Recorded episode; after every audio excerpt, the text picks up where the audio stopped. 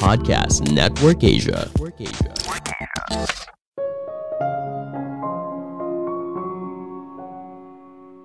Diri kita yang sekarang bukanlah diri kita yang sama di masa depan atau di masa lalu. Setiap saat kita merupakan orang yang berbeda. Halo semuanya, nama saya Michael. Selamat datang di podcast saya, Sikutu Buku. Kali ini saya akan bahas kalau kita sebenarnya tidak tahu apa yang kita inginkan di masa depan. Ini merupakan rangkuman dari video TED Talk Shankar Vedantam yang berjudul You Don't Actually Know What Your Future Self Wants dan diolah dari berbagai sumber. Ada sebuah paradoks yang menarik. Ketika kita melihat ke belakang, kita merasa kalau hidup kita sudah jauh berubah. Entah sekarang karirmu meningkat, kamu sudah punya pasangan, dan sebagainya. Namun ketika kita melihat ke depan, kita tidak merasa kalau diri kita di masa depan adalah orang yang berbeda Ya mungkin situasi dan kondisinya berbeda, misalnya kita makin menua atau lebih mapan. Tapi secara fundamental, kita masih menganggap diri kita di masa depan adalah orang yang sama. Pemikiran ini justru berbahaya. Inilah yang membuat kita sering kali membuat janji yang sulit kita tepati dalam periode yang panjang, membuat keputusan yang dianggap paling benar, dan sebagainya. Perlu kita sadari, setiap saat kita adalah orang yang berbeda, baik secara biologis maupun secara psikologis. Sebelum kita mulai, buat kalian yang mau support podcast ini agar terus berkarya, caranya gampang banget. Kalian cukup klik follow. Dukungan kalian membantu banget supaya kita bisa rutin posting dan bersama-sama belajar di podcast ini.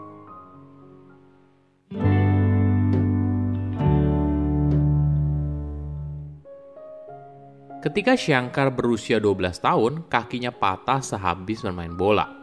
Dia tidak memberitahu orang tuanya kejadian itu sepulang sekolah, karena keesokan harinya ayahnya akan mengajak Shankar ke bioskop untuk menonton film soal sepak bola. Dia khawatir kalau dia memberitahu orang tuanya, maka mungkin saja acara nontonnya dibatalkan dan dia malah harus pergi ke dokter. Setelah usai menonton, barulah Shankar bercerita kepada ayahnya kalau kakinya patah dan mereka lalu pergi menemui dokter yang akhirnya memasang gips di kakinya selama tiga minggu. Oke, sekarang kita maju empat dekade berikutnya. Shankar bukanlah fans sepak bola lagi. Sekarang dia merupakan fans dari sepak bola Amerika. Mungkin jika Shankar yang berusia 12 tahun mengetahui hal ini, dia merasa dihianati oleh dirinya di masa depan. Nah, berapa banyak hal ini terjadi pada kita? Apa yang kita impikan sejak kecil, ketika kita dewasa, semuanya berubah. Oke, mungkin kita merasa kalau kita kecil wajar saja berubah-ubah. Bagaimana bila ketika kamu berumur 20-an? Saat berada di usia tersebut, Shankar baru lulus jurusan teknik elektro di India Selatan. Namun 30 tahun kemudian dia tinggal di Amerika Serikat, menjadi jurnalis dan sekarang merupakan pembawa acara dari sebuah podcastnya sendiri. Kita harus mengakui fakta ini kalau masa depan itu tidak kita ketahui. Contoh nyatanya adalah selama tiga tahun belakangan. Ketika kita pelan-pelan mulai kembali ke normal yang baru setelah melewati fase berat dari pandemi COVID-19. Kita melihat bagaimana COVID-19 mengubah hidup banyak orang. Ada yang kehilangan orang yang dicintai, melakukan isolasi mandiri, bekerja dari rumah, dan sebagainya. Bukan hanya itu, hal ini juga mengubah kita dalam melihat hidup, perspektif, dan mungkin juga pandangan kita.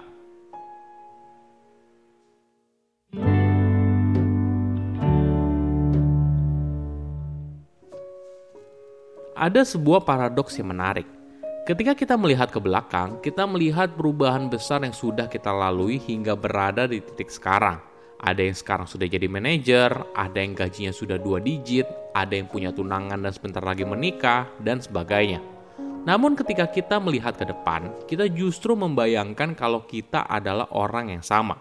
Bukan artinya kita tidak tambah tua, mungkin secara fisik kita sadar kalau kita akan menua. Tapi secara fundamental, perspektif dan pandangan hidup, kita tidak merasa kalau kita adalah orang yang berbeda. Ada sebuah kisah yang menarik dari John dan Stephanie Rinka. Pada tahun 1971, mereka memutuskan untuk menikah. Saat itu, John berusia 22 tahun dan Stephanie berusia 19 tahun. Setelah menikah, mereka lalu pergi jalan-jalan hingga akhirnya mereka memutuskan untuk tinggal di area pedesaan. Di sana, John bekerja sebagai pelatih basket di SMA dan istrinya bekerja sebagai perawat. Stephanie juga sering mendatangi rumah pasien untuk memeriksa kondisi mereka. Banyak dari pasien yang ditemuinya di rumah berada dalam kondisi sakit yang sangat parah. Hal ini membekas di benak Stephanie hingga dia bilang ke suaminya kalau suatu hari dia mengalami sakit parah, tolong jangan perpanjang rasa sakitnya. Biarkan dia meninggal dengan tenang. Mereka berdua pun sering membicarakan hal ini. Hingga suatu hari, di usianya mendekati 60 tahun, Stephanie mulai meracau dan berbicara dengan tidak jelas.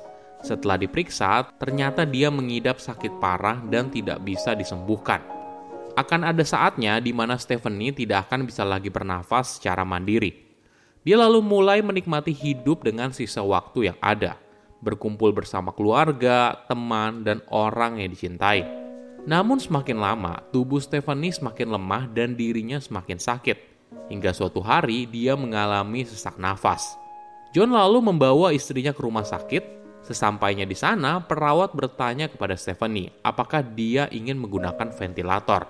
Stephanie lalu menjawab iya. John pun kaget karena selama hampir 30 tahun Stephanie tidak menginginkan hal tersebut. Namun dia diam saja. Keesokan harinya John bertanya kepada istrinya, apakah itu yang dia inginkan? Kemudian istrinya lalu menjawab iya. Inilah sebuah paradoks. Stephanie yang masih muda dan sehat tidak tahu bagaimana hidup Stephanie yang berusia 59 tahun dan mengidap penyakit parah. Stephanie muda juga tidak tahu apa yang diinginkan oleh Stephanie tua. Bagi Stephanie tua, versi dirinya yang masih muda adalah orang asing yang menentukan hidup dan matinya.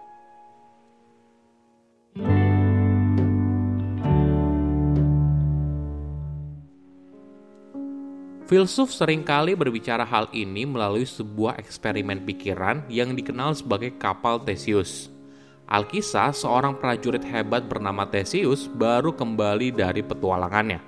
Kapalnya lalu ditempatkan di sebuah pelabuhan sebagai sebuah monumen pengingat. Selama puluhan tahun kemudian, bagian kapal itu mulai lapuk dan membusuk. Papan yang rusak lalu diganti dengan papan yang baru. Hingga semua bagian dari kapal Theseus telah diganti 100%. Para filsuf lalu bertanya, jika semua bagian dari kapal Theseus merupakan bagian yang baru, apakah itu masih kapal Theseus? Kamu dan saya adalah contoh nyata dari kapal Theseus. Sel yang ada di tubuh kita berganti setiap saat. Kamu 10 tahun yang lalu bukanlah kamu yang sekarang. Secara biologis, kamu adalah orang yang berbeda. Tidak hanya itu, di bagian psikologi kita juga selalu menjadi orang yang baru. Tidak heran ketika kecil kita bercita-cita ingin jadi pilot, dokter, tentara, dan sebagainya. Namun ketika kita berusia 20-an, kita punya mimpi yang berbeda. Ketika kita berusia 30-an atau 40-an, mungkin saja apa yang kita lakukan sama sekali tidak pernah terpikirkan sebelumnya. Ini yang harus kita pahami. Ketika kita membuat sebuah janji, apalagi sebuah janji dalam periode yang panjang, misalnya janji saling mencintai hingga maut memisahkan, kita sedang membuat janji di mana orang asing di masa depan harus menempatinya diri kita di masa depan belum tentu punya pandangan yang sama, perspektif yang sama, atau harapan yang sama.